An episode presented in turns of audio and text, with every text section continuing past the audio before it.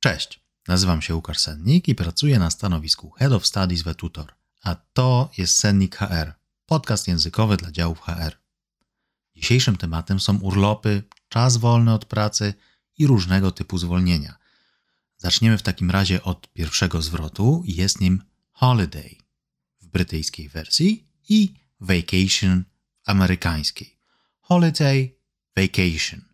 To jest urlop wypoczynkowy i tak powinniśmy o tym myśleć, żeby nie próbować tłumaczyć tego jako wakacje, bo wtedy wskakują nam jakieś różnego typu błędy. Już w zdaniu przykładowym, by the time you complete the payroll, I will have returned from vacation. Zanim skończysz tę listę płac, zdążę już wrócić z urlopu. I tutaj e, słówko proste, więc zdanie skomplikowane. E, czas future perfect, czyli coś się zadzieje, zanim ja wrócę przyszłości po prostu coś się zadzieje. I will have returned from vacation by the time you complete the payroll. Tak tutaj odwracając. No. Drugi zwrot. Public holiday. Public holiday, dzień wolny od pracy, to jest najogólniej jak się tylko da i w środowisku międzynarodowym każdy powinien wiedzieć o co chodzi, bo jeśli zaczniemy rozbijać to na brytyjską wersję, czyli bank holiday i amerykańską, hmm, tutaj różnie, federal holiday, możemy tak e, uznać, może być też state holiday, e, to rzeczywiście zdarzy się tak, że te rzeczy różne rzeczy oznaczają, jakby te słowa różne rzeczy oznaczają, więc trzymajmy się po prostu public holiday jako taki dzień, który jest wolny od pracy, bo jakieś wydarzyło się święto. I w zdaniu There's a public holiday on Friday, so we're looking at a nice long weekend in May piątek będzie dzień wolny od pracy, więc wygląda na to, że będziemy mieć fajny majowy weekend.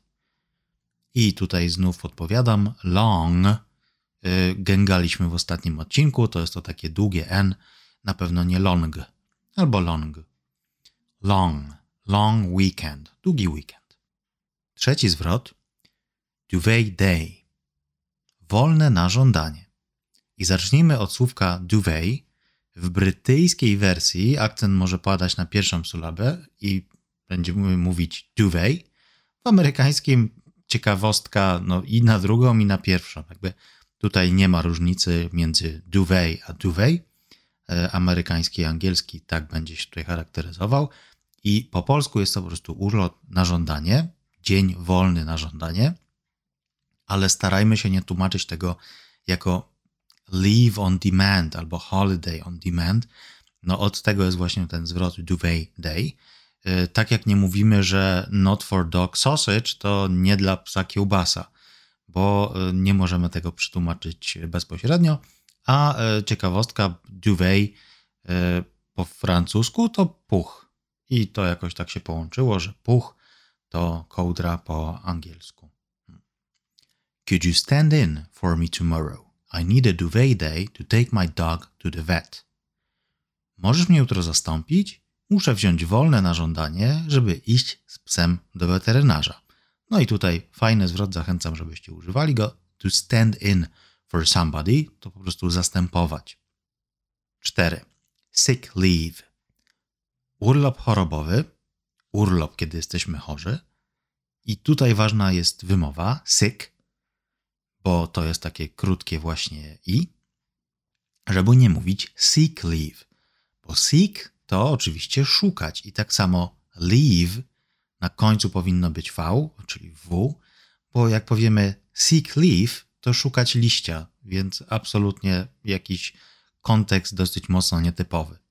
I tutaj a propos e, urlopów chorobowych i dni wolnych, bo jesteśmy chorzy, ciekawostka kulturowa, w Stanach w ostatnich kilku latach kilkunastu latach tylko 15 stanów wprowadziło coś takiego, takie dziwactwo jak sick leave, zaczynając chyba od Kalifornii, z tego co pamiętam.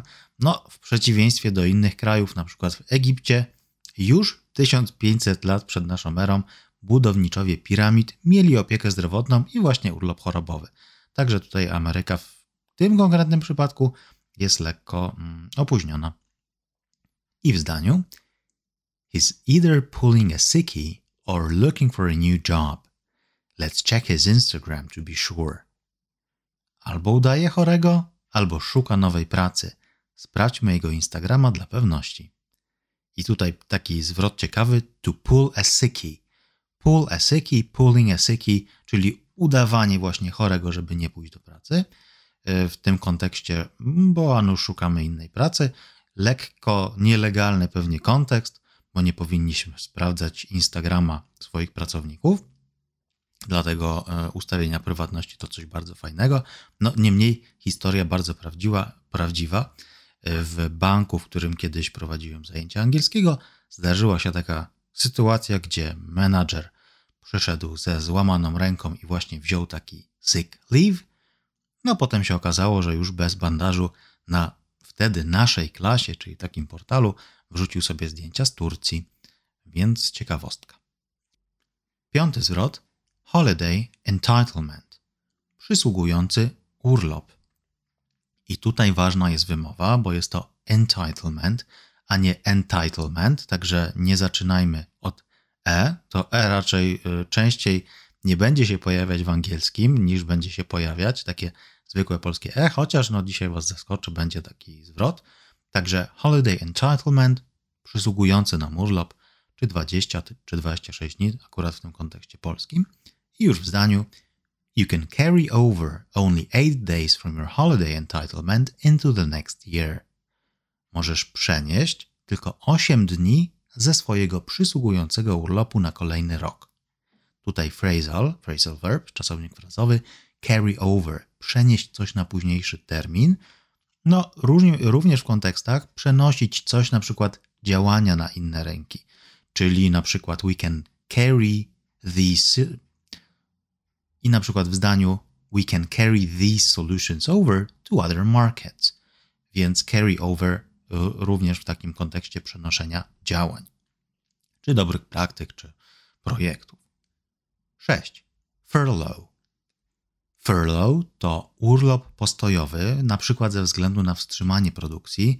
No i wiadomo, że to głównie w firmach produkcyjnych, ale w różnych kontekstach potrafię sobie wyobrazić, że jest właśnie taki furlough, bo ktoś czegoś nie dowiózł, więc my nie możemy wykonać swojej pracy.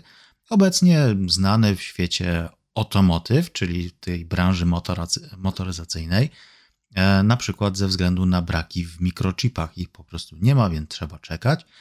Niektórzy pracownicy więc są wysyłani na te urlopy. I dlatego zdanie All of the workers will be sent home on furloughs until we figure out how to stop the microchip shortage. Wszyscy pracownicy zostaną wysłani na urlop postojowy aż do czasu, gdy nie wymyślimy, jak powstrzymać brak mikrochipów. W sensie nie wymyślimy, jak tę sytuację rozwiązać. Tak jakby tłumacząc to, bo nie da się zawsze tego słówko w słówko powiedzieć. Siódmy zwrot maternity leave. I maternity leave to urlop macierzyński, tutaj w kontrze też do paternity leave czyli urlopu tacierzyńskiego. Tutaj pamiętajmy znów o tym liściu, żeby go po prostu nie używać, czyli leave, maternity leave i paternity leave. I znów kolejna sprawa związana z e, tym zwrotem. Bardzo często w rozmowach, które z wami gdzieś przeprowadzam w firmach, no pojawia się taki dosyć częsty błąd I was on a maternity leave. I was on a paternity leave. Nie możemy y, używać y, a z tego względu, że jest to rzeczownik niepoliczalny. Także ten przedimek jest tutaj zbędny. Będzie to zawsze I was on maternity leave. I was on paternity leave i leave ogólnie no, jako rzeczownik niepoliczalny w żadnym z przypadków wcześniejszych, no, tak jak pewnie zauważycie później, on nie ma e przed sobą. Więc pamiętajcie o tym, mówiąc właśnie, że idziecie na urlop. I już w zdaniu. Before going on maternity leave, you have to fill in this form. Przed pójściem na urlop macierzyński musisz podpisać ten formularz. Podpisać, wypełnić, jak zwał, tak zwał, fill in this form. Chodzi po prostu o uzupełnienie danych. I tutaj taki też phrasal fill in the form, fill in something. Wypełnić, uzupełnić. Ósmy zwrot parental leave urlop wychowawczy. I w końcu pojawia się ten moment, w którym możecie użyć zwykłego e. Tak jak mamy blogi parentingowe, to powinny być blogi parentingowe, jeśli mielibyśmy jakoś e, strasznie tutaj ingerować w akcent. Jest zwykłe e, parent, absolutnie w przypadku ani brytyjskiego, ani amerykańskiego nie może się pojawiać słówko, nie może się pojawiać um, dźwięk a, czyli jest to zawsze parent, parenting, parental, y, absolutnie najzwyklejsze e. If you need some extra time off, parental leave is always an option. Jeśli potrzebujesz dodatkowego czasu wolnego, urlop wychowawczy to zawsze jakiś pomysł. I dziewiąty zwrot? Special leave. Urlop okolicznościowy. I tu już podpowiadam, urlop okolicznościowy po polsku dzieje się i z pozytywnych, i z negatywnych względów. Jeśli y, chcemy troszkę schować tę przyczynę, czego, y, czego, czego dotyczy ten urlop, czemu bierzemy dzień wolny, to właśnie ten special leave dobrze będzie użyć, bo y, może się pojawić taki typ urlopu, kiedy już wiemy na przykład, że zdarzyła się jakaś rzecz mm, negatywna, nieprzyjemna, czyli na przykład śmierć w rodzinie, i wtedy będziemy używali, używali zwrotu compassion, compassionate leave bo compassion to takie współczucie i compassionate leave to taki urlop, kiedy stało się coś negatywnego, e, więc e, tutaj, żeby troszkę za, zagmatwać kontekst, żeby nie mówić z jakiego względu bierzemy wolne, fajnie jest użyć zwrotu special leave, że potrzebuję takiego specjalnego urlopu. I już wtedy nie tłumaczyć dlaczego, bo może na przykład nie chcemy mówić czemu to się dzieje, że nas nie będzie. I już w zdaniu I'll need a day of special leave for my nephew's confirmation. Potrzebuję jednego dnia urlopu okolicznościowego na bierzmowanie mojego bratanka. Czyli po prostu jadę na bierzmowanie. Nie jest to na pewno compassionate leave, bo jest to rzecz bardziej pozytywna, e, więc nie możemy powiązać tego, że special leave to jest to samo co compassionate leave, e, nawet jeśli formalnie to e, jest jedno i to samo w jakiejś tabeli w Excelu. Więc special leave, urlop okolicznościowy, gdy nie wiemy, jakie są warunki, compassionate leave, no taki, kiedy już wiemy, że zdarzyła się rzecz nieprzyjemna. I tutaj zwrot confirmation, czyli bierzmowanie, bo też wiem, że często pytacie o ten właśnie zwrot. I słowo odcinka gardening leave, czyli takie właśnie nietypowe słówko na koniec. Gardening leave to taki przymusowy urlop trakcie wypowiedzenia, czyli jeśli wypowiadamy naszą umowę, e, to pracodawca może nam nas, nas wysłać na taki e, przymusowy urlop. E, jakby etymologia tego zwrotu jest dosyć zagmatwana. Niemniej chodzi o to, żeby sobie posiedzieć w ogrodzie przez te na przykład trzy miesiące. Kontekst bezpośrednio z Wielkiej Brytanii, bo tam akurat te ogródki przydomowe są dosyć popularne więc gardening leave, kiedy pracownik jest de facto na liście płac, no ale nie może jeszcze podjąć pracy, w domyśle u konkurencji, czyli po prostu też e, nie przekaże żadnych informacji. I kontekst, tak jak mówię, typowo anglosaski, e, gdzie ktoś no, płaci przez trzy miesiące pensję pracownikowi, tylko żeby zabezpieczyć się, żeby jakieś no, najświeższe dane nie przeszły typowo do konkurencji, w naszym przypadku polskim e, ja się częściej spotykam z tym, że wypłacany jest ekwiwalent, jakiś cash equivalent, tak się na to mówi, e, żeby tylko do tej ostatniej minuty popracować. I już w zdaniu He's been put on gardening leave before joining our company. Był na przymusowym urlopie, zanim dołączył do naszej firmy. Czyli tutaj już z perspektywy tego nowego pracodawcy który bardzo chętnie dowie się, co tam u konkurencji słychać.